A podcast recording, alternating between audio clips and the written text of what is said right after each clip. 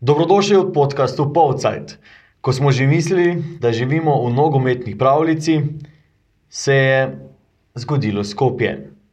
Pa smo rekli, da v pravljice ne verjamemo, in so nam o njej začeli govoriti na krasu, ko so novinci v prvi ligi ponižali prvake. A v Povcajtu ne govorimo pravljic, ker to je podcast o žogi, igrišču, branilcih, napadalcih, slačilnicah, selektorjih, trenerjih, pomočnikih in športnih direktorjih. To je. Rezultati 5 proti nič, jaz to uživam, to, to je top, samo to je preveč simpel. Pa mislim, da je to že preko mere u- zdravega okusa. Ko bomo pozabili, kdo smo in kaj smo, je prvi korak proti propadu Maribora. Maribor je za nas bil Liverpool. Maribor je šampion, danes je veličini dan.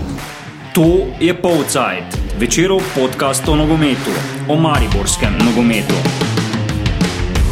Simeunovič, Rekezi, Čipi, Židan, Đuranovič, Balajc, Sešljar, Karič, Šimunđa, Bozgo. Ja, to je enajsta epizoda in zato je prav, da se spomnimo idealne enajsterice iz zlatih časov mariborskega nogometa. Tokrat žal teh gostov ni z vami, sva pa z vami Marko Kovačevič in Miha Dajčman. Večerova ekipa z terena. Reprezentančnega premora je konec. Minuli vikend smo znova spremljali slovenske tekme, prvenstvene tekme, in zdi se, da so nekaterih premor eh, vsaj za en teden podaljšali. 15-kratni slovenski prvaki so v Sežani visoko izgubili, Aleks Pihler in Dalko Milanič sta po tekmi večkrat poudarila, da je bil Maribor slab, preslab. Tekma je polna agresivnosti, polna duelov z njihove strani, z naše ne. Že na začetku tekme so dobivali vse druge žoge, to pomeni, da niti slučajno nismo pokazali tistega moštvenega nekega. Uh, ne mislim tu samo uh, na borbo, na, na kvaliteto. Uh, Na kvaliteto in branjenja, in uh, agresivnosti, in kvaliteto napadanja. Polno tega je manjkalo. Tudi, tudi ko smo bili zelo blizu zadetkov, uh, smo pritisk vršili uh, uh, zelo neurejeno. Tako da veliko tega bo slabo, oziroma vse bo slabo. Ne vem, od, od slabega dneva do, do nekih individualnih napak, eh, ki si jih ne bi smeli privoščiti. eh, Preveč je razlogov danes za, za tako slabo tekmo. Maribor se je, vsaj kar se tiče prvoligaških tekem, po 18 letih in pol eh, vrnil v Sežano. Miha, tudi ti si šel na kras in pa to, ta vrnitev ni bila najbolj prijetna za, za vijoličaste. Kaj se je dogajalo eh, na, med češnicami, če smemo tako reči? Ja, v bistvu se je zgodila podobna zgodba kot uh, na zadnje, ko je Maribor v prvenstvu gostoval v Sežani.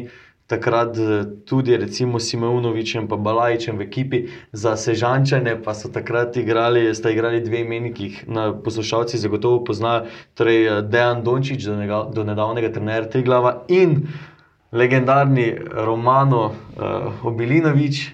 Um, no, takrat so Sežančani zmagali z 2 proti 1. Tokrat pa, kot smo v uvodu pomeni, eh, povedali, pravljica za, za domače um, 4 proti 1 proti eh, prvakom, ki so bili na, na tekmi um, veliko vem, slabši, pa bolj zaspan nasprotnik, dobene agresivnosti v igri um, prvakov, nezbranosti, eh, tudi priložnosti, ki so si jih priigrali, tudi po nekaterih napakah, sežane, Mariborčani niso zadeli. In ja, videli smo najvišji poraz Maribora to sezono. Um, da je predrag Sikimič nevaren, so Mariborčani spoznali že v Ljudskem vrtu, da je takrat zabil dva gola na tisti znameniti tekmi, pod, ki je bila znamenita predvsem zaradi tega, kar se je dogajalo po njej. Uh, zdaj so pa spoznali še uh, Bongungija. Uh, Vsak čas. Navdušen sem, da nisem rabo tega prinka izgovoriti jaz. Ja, um, navijač, ki je sedel ob meni, zato ker je bila tribuna za novinarje premajhna, da bi si lahko vsi posedli za mizo, sem jaz imel lepo laptop na, na, na kolenih. Um, se že cel tekmo smo debatirali in je rekel, tale je lud, neroden, a lud. Ne? Eh, V prevodu nor. Ne?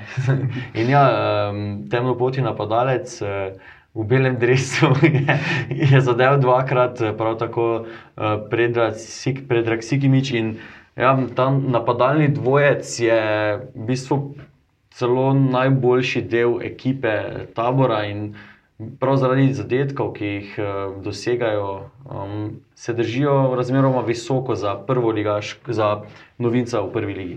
Pa res s pridom koristijo to prednost domačega terena, malo manjše igrišče in zelo dober rezultat uh, novinca, povratnika v ligi, vse kar se tiče uvoda v sezono na, na domači zelenici. Ja, zdaj, ko si omenil uh, manjše igrišče, ne, zdaj po teh podatkih, ki smo jih uspeli izbrskati, to igrišče um, za en meter krajše po, po dolžini uh, od ljudskega vrta, pa samo za en meter še po širini. Zdaj, ne vem, če je to zdaj bistvena razlika, ampak okay, recimo, da je igrišče manjše, morda tudi ne tako kvalitetno kot tebi v ljudskem vrtu. Uh, vseeno pa mislim, da bi to lahko bila tudi prednost za Mari Borčane, glede na to, da imajo vseeno po kvaliteti, vsaj po na papirju, po kvaliteti gledano ekipo, ki bi z, z tehničnim znanjem morala znati majhen prostor uh, bolje izkoristiti. Ne? Sej hitrost ni vedno uh, tista, ki, ki zmaguje tekme. Um, je pa seveda tukaj v Mariboru, ne, tudi v nekih prehodih, ko je prihajalo do, do priložnosti pri v protinapadih, eh, morda te kvalitete v hitrosti sploh ni znal izkoristiti, razen tistega zadetka.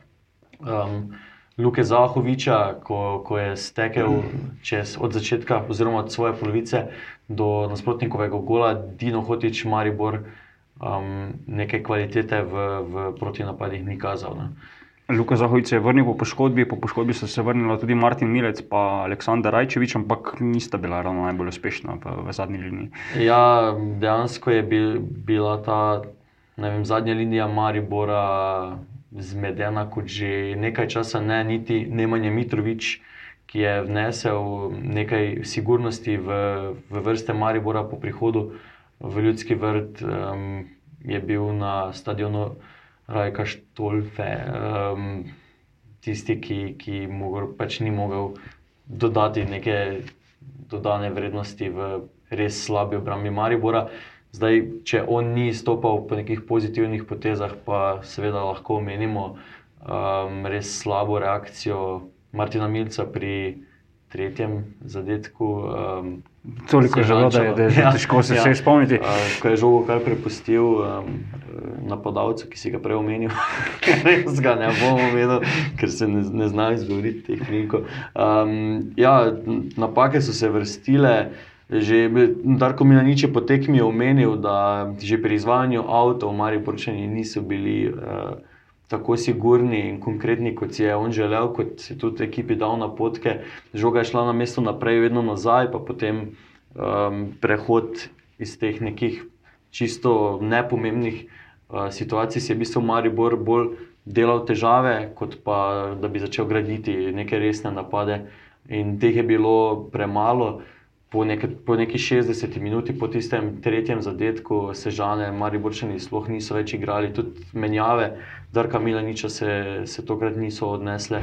Um, na splošno gledano, kot so tudi sami na koncu potekmi dejali, um, res slaba predstava. Uh, za ti metri na igrišču, gore ali dol, vsekakor pa se žana ni, recimo slovenski arsenal, ki je v svoj čas na legendarnem Hajburju iskal prednost v, v tem manjšem igrišču, ali vendarle, no, mogoče celo boljši kot arsenal v tej sezoni.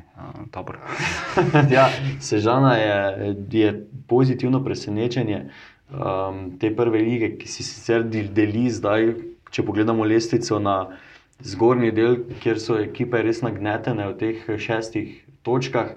Um, Sežančani pa v bistvu imajo zdaj že kar levo prednost pred, pred daleč zadnjim rodarjem.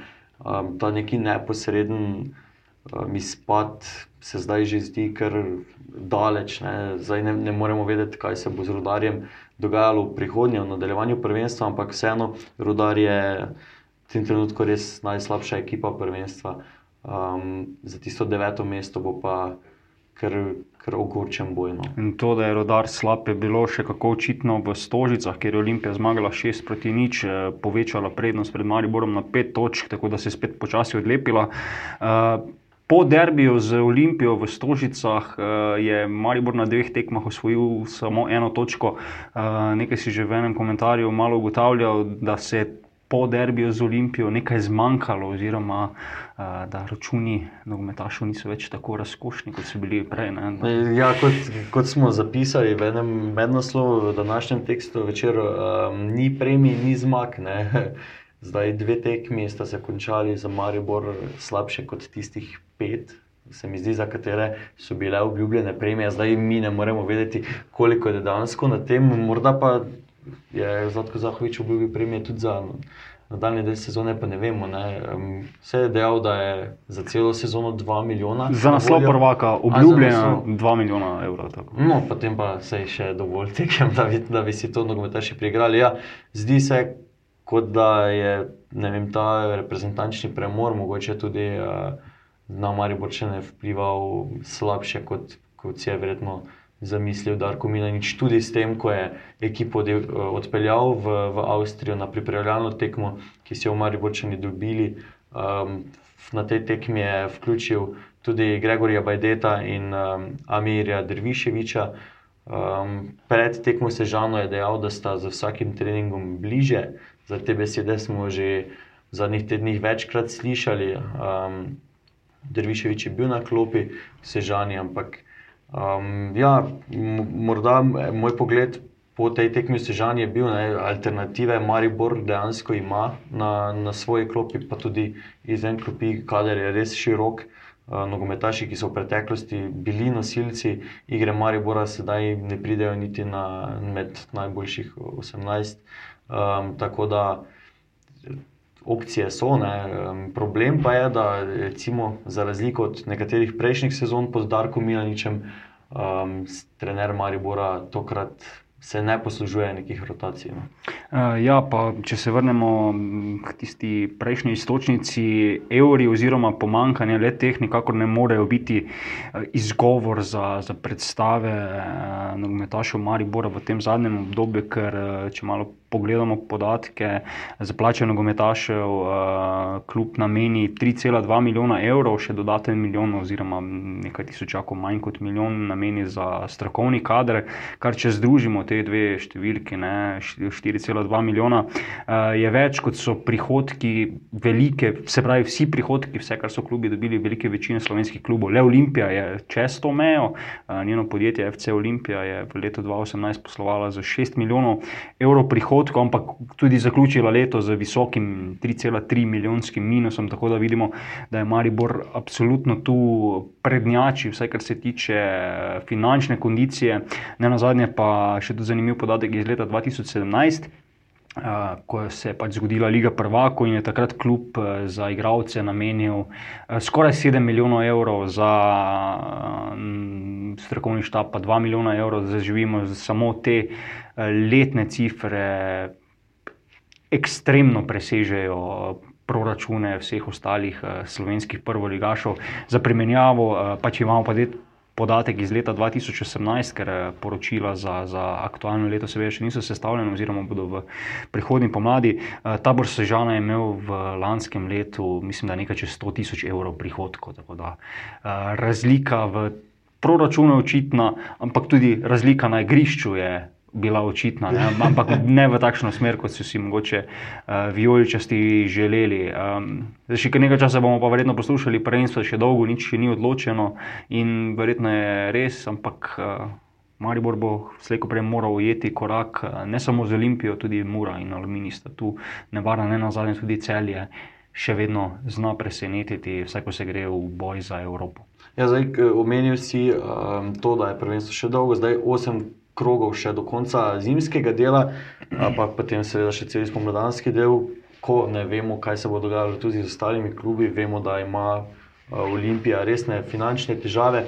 Um, ampak, če, če rečemo to, ne, da se dogajajo kiksi, zdaj Mariboru so se v tem delu prvenstva zgodili trije porazi, um, kar je en manj od štirih, ki so jih lani dosegli v celotni sezoni. Um, hkrati pa so izpadli tudi iz pokala in ostajajo zgolj v, v enem tekmovanju, kar v preteklosti um, ni bila praksa. Zdaj... Mogoče še velika razlika v tem, da, da so v to sezono dejansko šli kot zelo okrepljeni. Ne. Ponovadi okrepitve v Maribor niso prihajale tako na velika vrata.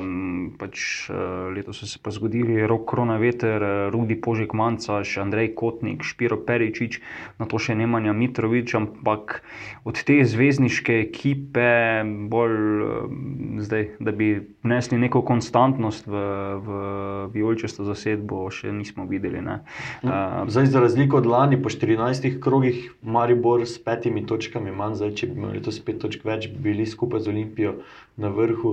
Um, pa je, kot si dejal, res zvezdniške okrepitve, ne? najboljši igralec lige, igralec, ki je bil predtem najboljši igralec lige, pa zdaj še Mitrovič, ki je bil. Mogoče najboljši branilec Tako. iste lige v preteklosti. Zdaj, mogoče vseeno Prejšnja jesen je bila res izjemna, to moramo podati. Predvsem tisti zaključek, eh, finiš, ko si je Maribor v bistvu naredil zalogo, ki je potem zdržala celo pomlad v boju za naslov prvaka, najboljša obramba, najboljši napad lige. Uh, takrat so bili, mislim, da blizu poprečja treh golov na tekmo, celo računali, ali lahko sezono zaključijo s stotimi doseženimi goli, potem sicer pomlad, eh, padec forme, ampak še vedno nabiranje točk. Eh, zdaj pa je v teh obeh segmentih igre, tako v napadu kot v obrambi, vse skupaj precej bolj. Bom eh, rekel, klavrno in manj zanesljivo. Ja, po 14 krogih lani 38 golov danih, ne, letos 10 manj, prejeli pa so Marijo Vršeni 3 gole več, torej 16, lani 13. Ja, definitivno se to na koncu mora poznati na točkah. Zdaj, zdi se pet točk, relativno mala razlika na promlani, ampak če pač čist z lahkoto prekalkuliramo, sta pa to dve tekmi, kar pa ni tako enostavno. Ne. In še vedno moraš eh, upoštevati uh, pač, uh, tudi Maribor, še lahko in brško ne mu še bo kaj spodrsnilo. Tako da je morda celo ta razlika večja. Miha, prava enciklopedija podatkov, hvala za, za vse to, kar si predstavil, Stežane in tega pa gremo naprej. Okay, Maribor še ne v 15. krogu čaka celje. Peta ekipa na lestvici, ki ima le točko manj od Maribora. Seljani so Mariborčani premagali zadnji torej pred tem nizmo, nizom sedmih tekem brez poraza. Marko, se spomniš te tekme? Uh, bolj bežno, ker moram priznati, da sem bil na dopustu, pa sem malo druge stvari gledal, ampak se spomnim ja, zadetka Špira Peričiča uh, na pačno mrežo. Spomnim se gola Rudija Požega Bancaša, ki ga zelo vljudno na stadionu, kjer je nekako navdušil v prvi ligi, se prebil med tiste res najznamenitejše imena prve lige, ni proslavil. In pa ja, potem 2-1 se je zaključilo z. Zmago Celjano, ki so v bistvu kar slabo začeli sezono, dolgo so potrebovali do prve zmage, ampak potem pa so naredili en niz in nekako postavili celo hit prvenstva. V, v prejšnji teden, v petek, je uh, Rudi Božek Vancaš na vprašanje o celju, pač kako gleda na ta preporod oziroma odlične igre svojega nekdanjega kluba, dejal, da je očitno s svojim odhodom v Maribor okrepil celje. Ja, se tudi Dejan Košic, uh, Dušan Košic, da je Dušan Košic, če, če še spomladi, uh, ko je bil Rudi poškodovan, dejal, da se navaja na življenje brez uh, Rudi, a potem Spomniš se, bila smo na Brdu v poleti, ko so se predstavili vsi prvi ligaški trenerji, da, da zdaj pa so že navajeni na življenje brez rudija in v bistvu so prilagodili sistem igre, našli nove kvalitete in jim v bistvu kar dobro uspeva. Ne? Tudi ne na zadnje odhod Jana Zapiška v Domžale, ki je bil nekako srce zvezdne linije v celju, se jim ni poznal. Ampak uh, več o štajerskem nogometnem derbiju v naslednji epizodi Pavcajta. Smo se pa v predgostovanju Sežani pogovarjali z zadnjo ukrepitvijo Violičastih v poletnem prestopnem roku. Uh, Nemanja Mitrovič je hitro prevzel svojo vlogo v obrambi. Uh, intervju z Ljubljančanom, ki se je kalil tudi v mladinski šoli Milanskega Interja, ste lahko brali v četrtkovem večeru, še vedno pa ga najdete na spletu. Kaj je povedal o svoji nogometni poti, ki nikakor ni bila običajna, pa v naslednjem posnetku. Ja, kar se tiče tega, je težko pač za, tako, za mladega igralca. Pri 16 in 17 leti uh, iti v tujino, pač tujina je spet tujina. No, mm. Kar koli, ne znaš jezika, ne znaš, pač, ti si še fant, Tako da je težko. Veliko sem se tega naučil, to je neko, neko no, rekel. N- Neki sem dobil neko osebnost, uh, tudi drugače gledam na neke stvari, kot sem jih prej, zdaj gledam čist drugače. Da bi imel zdaj tako glavo, kot pri 16-17 letih, pač bi bilo čist drugače. Ampak takrat si klinac, gledaš drugače neke stvari, niti ne veš, priješ v svet, mm, čist drugi svet, iz domžal priješ v, ne vem, bom rekel, v Milano, ki je to ker to gledaš, igravce, je to čist drugače. Sem nekaj, nekaj sem se veliko naučil, tudi pol sem igral v Slo- v slovenski ligi 4-5 let, pa spet na polskem, tako da mm, sem veliko tega odnesel. Um, nekateri strokovnjaki opozarjajo, da, da, ne da slovenski igralci nekateri prehitro odhajajo v tujino. Um, bi se s tem strinjali, vendar vaš pri- primer je bil drugačen. Vi ste šli z, z, zelo zgodaj. Ne? Ja, zdaj. Pre- Prehitro. Ja, nekateri pravijo prehitro, nekateri ne. Jaz bom zdaj tako gledal, jaz sem to pač sam, sam preizkusil na svoji koži. Jaz sem bil zdaj s Krhinom, sva bila skupaj 4 leta, recimo, pa je on še danes v tujini. Eni, eni uspe, eni pa žal ne, ali pa eni se pa čist zgubijo, ker poznam primerov, eni še več ne igrajo niti nogometa. Tudi, tudi od, pač v futbalu je potrebna in sreča, in tudi pač, kakšno imaš ti karakter, kakšno imaš osebnost, eh, tudi dosti tega uh, pripomore pol tudi uh, k temu, da postaneš ne vem, nogometaš ali karkoli. Dosti se mora po stvari poklopiti. No, tako da, ne vem, težko je, težko je biti pameten. Eni, eni pa ostanejo, pa ne naredijo en korak naprej. Tako da ne vem, jaz bi, če bi zdaj, če jaz imam dva otroka doma, pa da mi zdaj nekdo reče, da bi pustil fanta s 16 leti, jaz tudi ne vem, kaj bi naredil. Iskreno vam povem. Tako da ne vem. N- Težko je biti pameten. Zdaj ti pa pride, fant, ne vem, sin domov, pa ti začne jokati oče, jaz grem, ne vem, v Milano, kaj mu boš rekel? Mu ne boš dal te možnosti, da gre. Ne vem, tako da težko je biti, težko je biti, ker gledaš neko perspektivo, neko za naprej, kako kaj je biti pameten. To ni zdaj neki denar, da bo rekel, ti ga prodajaš za denar, to, to je daleč, to je smešno, kar, kar, kar ljudje govorijo. Ni to zdaj denar, da bi rekel, wow, se ti. Ampak to je neka, neka, neka šansa, je za nek korak za naprej. Kot da to, kar isto, kar Za me, jaz ko gledam, kaj faks ga opišeš. Uh -huh. Pa, pa na tebe boš naredil, a ga ne boš naredil. Če se boš učil, a če boš imel neko srečo, pa karkoli ga boš naredil. Če pa ne, tam je res, da jih je 100 igralcev, od tega 100 igralcev bo en uspel. Zdaj, a boš ti ta ali ne boš, to je. To tako je. Gre ta otroka po, po vaši sledi? Ja, dobro, še majhna sta. Še en ima dve leti, a pol, en ima pa zdaj bomo eno leto. Aha, tako da- da ta starejši prehitro malo, malo brca, tako da bomo videli, kako pa kaj. Uh, pač, ko pogledamo ne, tako na hitro, se znam, seveda, Inter takoj bode v oči. Eh, Koliko igralec, ko je pač v selekcijah mlajših, pa potem mladinski, doživi veličine tega, tega kluba, ki je vendarle eden izmed največjih na svetu, ali je to povsem ločen svet eh, ene in druge selekcije? Ja, ni, kar se tiče primavere, primavere Interja, to je na visoki ravni. Res, mi smo trenirali tudi s prvo ekipo tam v Pjanu Čentilu.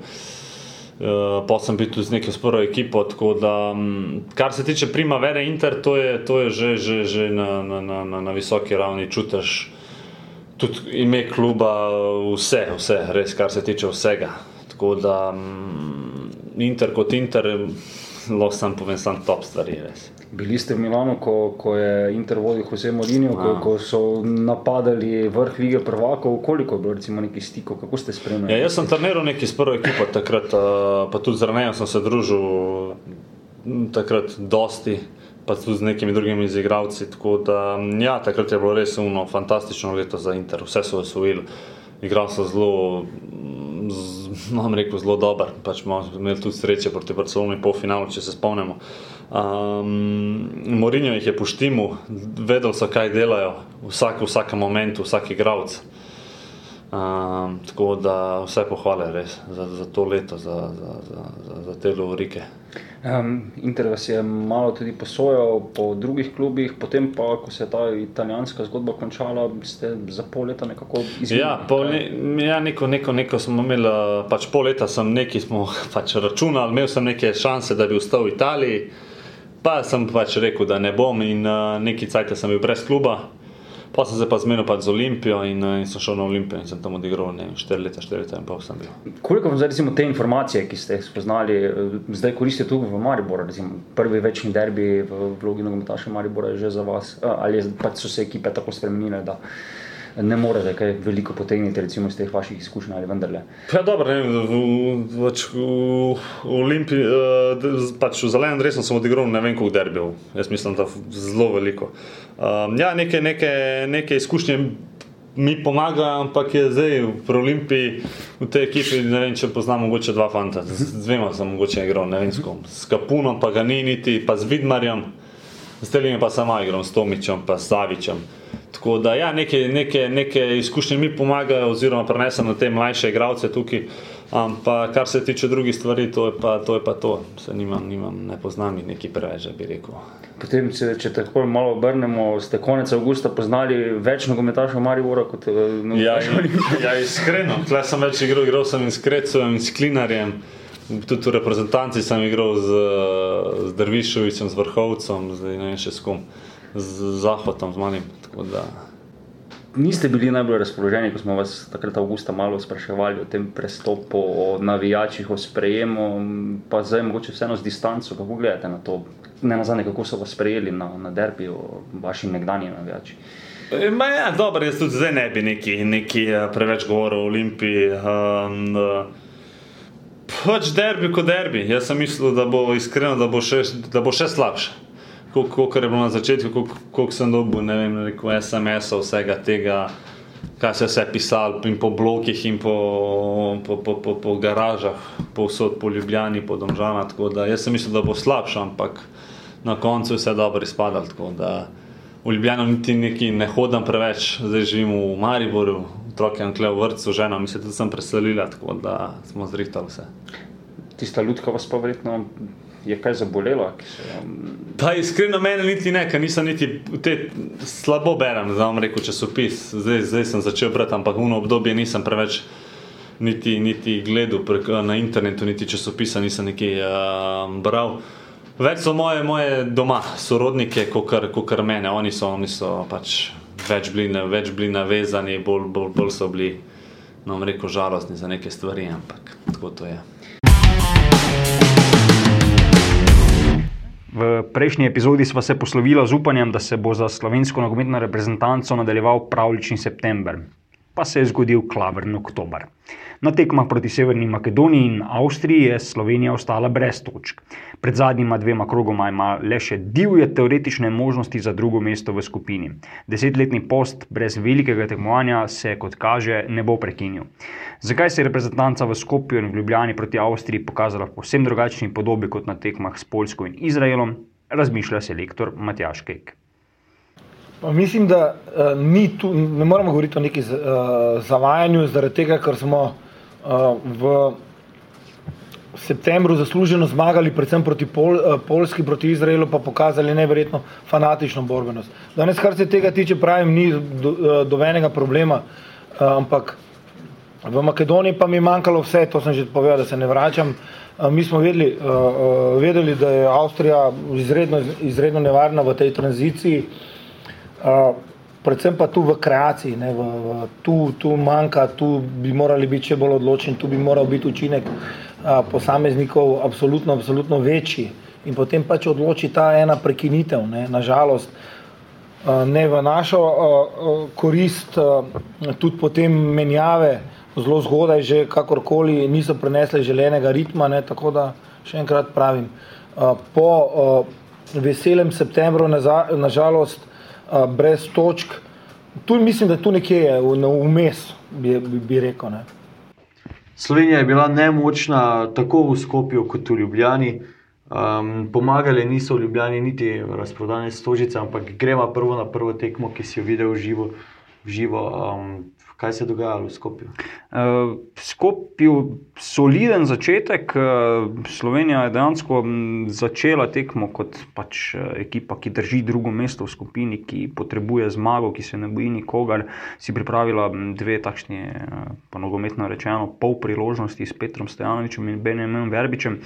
Potem pa je nekako res padla, Makedonci so začutili, eh, da so boljši, da če ostavijo Josipa Iličiča, ostavijo Slovenijo, kreatorja so odrezali od svojih igralcev in imeli en kup lepih priložnosti, uh, ne na zadnje zadeli že v zaključku prvega polčasa, pa je sodnik uh, na slovensko srečo ta gol razveljavil, predvsem zaradi avtoritete Jana Oblaka, ki je pač signaliziral, da ga je igralec pred njim toliko uviral, da ni mogel, mogel posredovati in so se potem sodniki odločili za prepovedan položaj. Eh, potem pa drugi polčas, eh, hiter odhod Reneja Krhina iz igrišča zaradi poškodbe eh, in potem, kot je tudi priznal selektor Matjaš Kek, se je Slovenija razpadla, Makedonci so našli luknje, dosegli dva lepa zadetka, na koncu bo zgolj kozmetični popravek za 11 metrov. Če gledamo recimo obdobje od neke 20 ali pa 25 minut naprej na stadionu Tošega Projeskega. Um, Slovenija ni imela možnosti za kaj več kot poraz, ker Makedonci so bili razigrani, izkoristili so svoje priložnosti, Slovenija pa je bila nekako brez zobi tiger, ki je poskušala nekaj na silo, ampak bolj malo je uspevalo. In isti, um, pest je naredil. Uh, Matjaš Kek tudi za tekmo v Ljubljani, ne? zdaj pričakovalo se je vsaj, vsaj nekaj sprememb, glede na to, da je bil René Krhin v Skopju menjen tako hitro, ampak začel je tekmo, bil na koncu tudi eden izmed boljših, če lahko rečemo, v ja, ekipi Slovenije. Dejansko nogometaš, ki je bil mogoče v prejšnjih obdobjih najbolj kritiziran, je zdaj se mi zdi najbolj zrelo prevzel svojo vlogo, pokazal še nekaj največ tega žara, borbenosti. Eh, res se mu pozna, da v klubu ne igra in da se na nek način tudi tu dokazuje, mogoče svojim delodajalcem, navijačem in ne na zadnje odrašča, starejši. Je. Um, razumem pa, Matjaž, Keka, zakaj se je odločil za takšno postavo, ker spomnimo se, to je postava iz septembra, to je postava, ki je prinesla veliko zmago proti Poljski, ki je prinesla potem tudi tisto zmago na divji rock and roll tekmi uh, proti Izraelu. Uh, in selektor je podaril že prej poleti, da je našel okostje te ekipe in očitno je bilo to to okostje, ki pa žal uh, oktobra ni delovalo tako dobro kot septembra. Vemo, da je pet igralcev za popolno minutažo še vedno po osmih tekmah kvalifikacij uh, ob vrtarju oblaku, so to še Petr Stojanovič, Miha Mevlja, uh, Jasmin Kurtič in pa Josip Iličič. Ja, in um, kaj nas čaka v bistvu nadaljevanje zdaj možnosti Slovenije? So se um, hitro razbili. Ja, pač možnosti so ravno takšne, še, da lahko govorimo o njih, ampak gre za res eh, divjo teorijo. Avstrija ne sme do konca kvalifikacij osvojiti niti točke več, pa vemo, da igra z Latvijo in pa z Severno Makedonijo, tako da vsaj eno eh, predvidevam, da bo osvojila na teh dveh tekmah. Eh, Slovenija bi seveda morala obe tekmi dobiti, tako proti Latviji kot proti Poljski.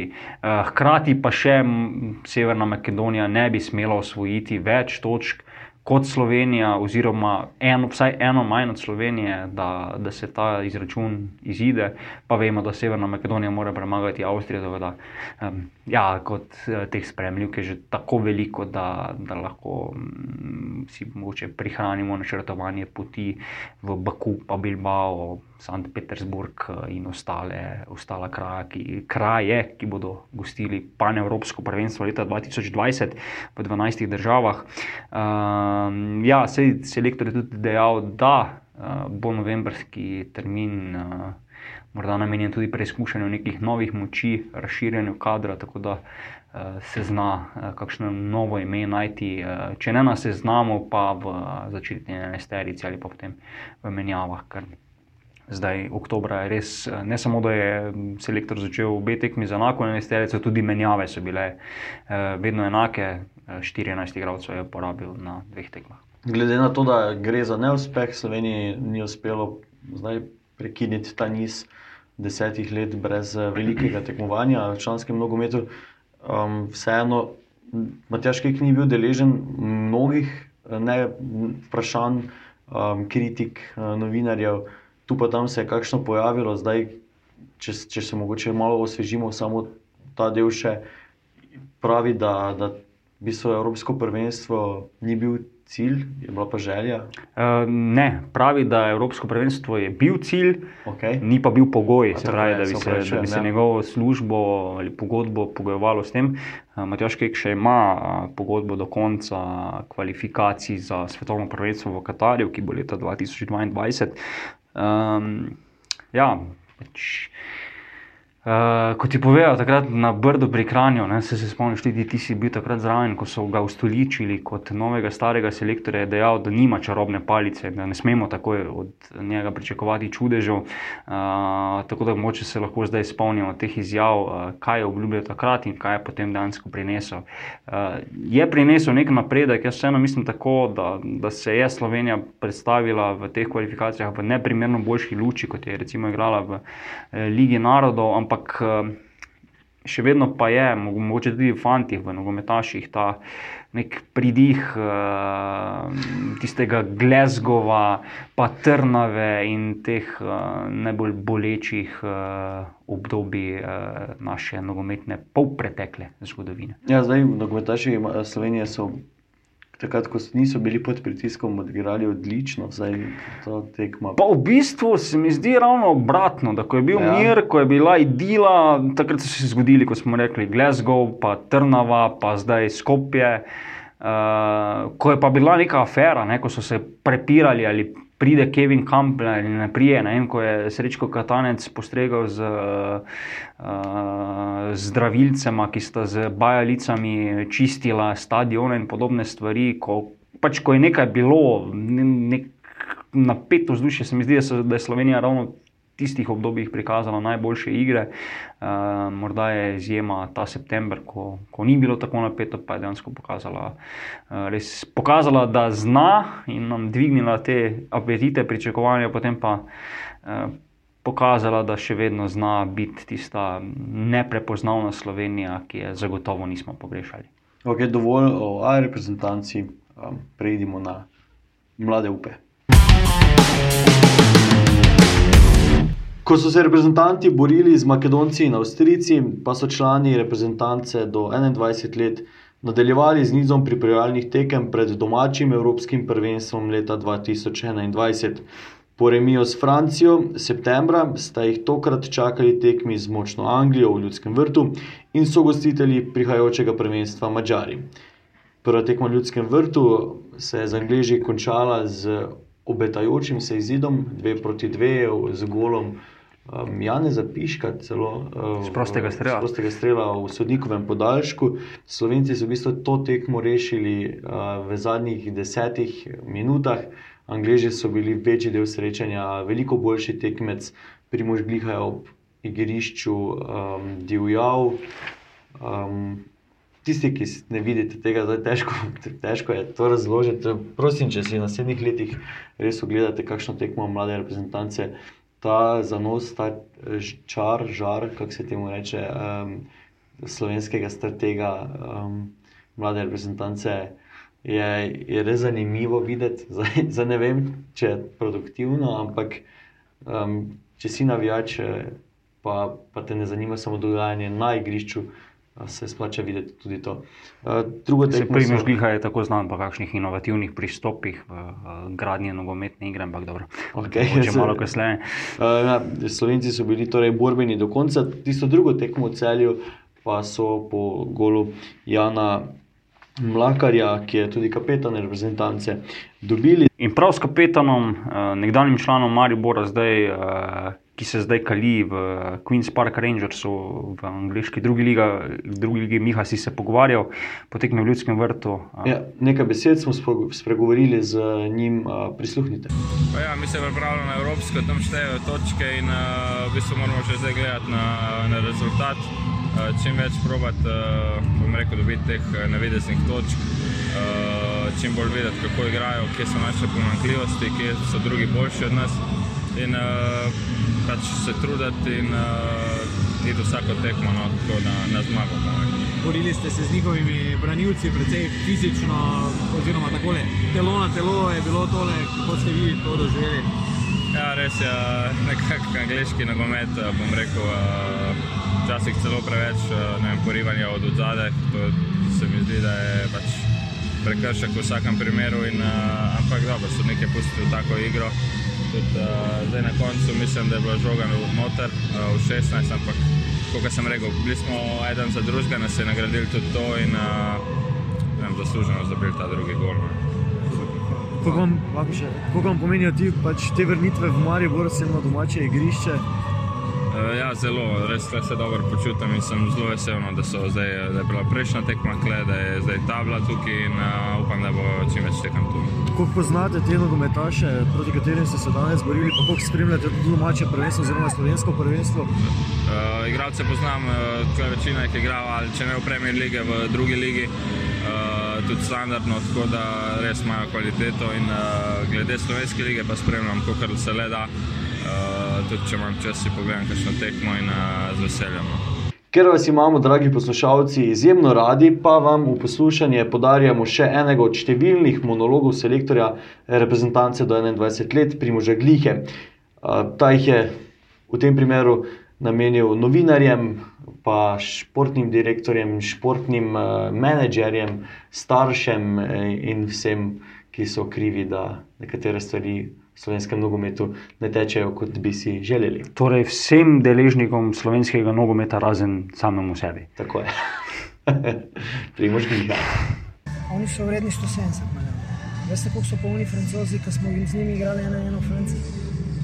Nisem zasledil ene pozitivne besede na to temo. 350. Če se pravi, to misli za nas, pisal kaj. Veste, kaj enkrat premagaš svetovnega prvaka v pa sem še prva, kamar se lahko premaga. Je tako. Veste, kaj sem jim rekel, zločinci? Da jih deset najmanj ne bom klical na naslednjo akcijo. A veste zakaj? Ker so njihovi menedžerji ponoreli po dva, dva s francozi. Veste, kdo so pa menedžerji?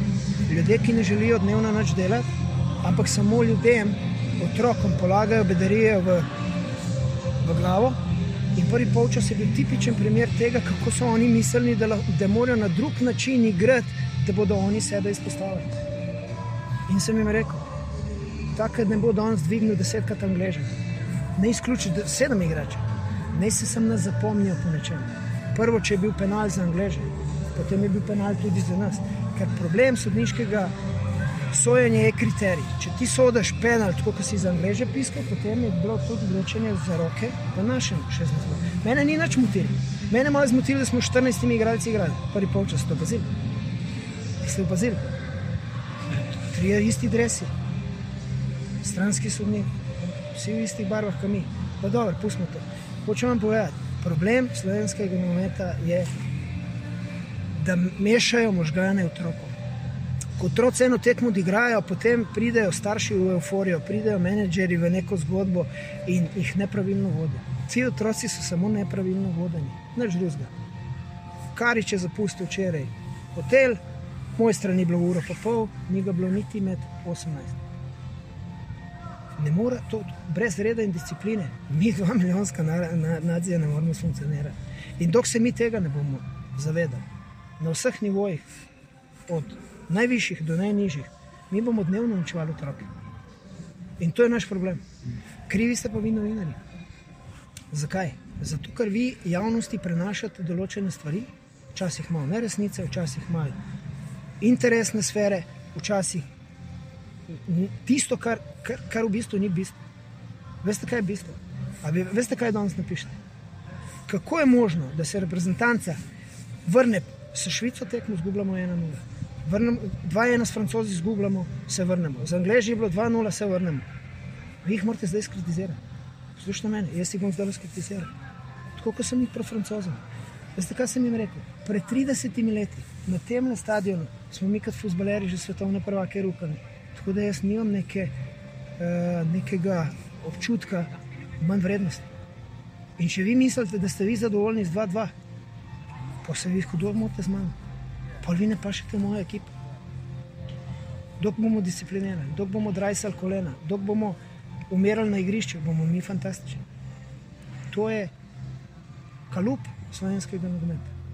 Vse ostalo bomo pozabili, kar nas je premalo. Ste videli Angleže, ste videli Francoze, oni 70 milijonov hitro zberejo, hitre, visoke, atlete, bla, bla, bla. Pa lahko sedeti na taki klopi. V taki klopi je luštno sedeti. E, tle je pa malo drugače, tle pa vsi delamo. Od fizioterapeuta, orožarja, vsi mi moramo delati, da bi skozi teden te fante motivirali, ker veste, pred pripravo na tekmo se začne zmeraj, tak tiste minute, ko se zbereš. In če tega mi ne bomo razumeli, bomo benga rezultata naredili. Pa smo pri koncu. Tokratni polcajt morda ni bil tako pozitiven kot kateri prejšnji, a če uporabimo eno od nogometnih floskol, bomo rekli, da to je nogomet.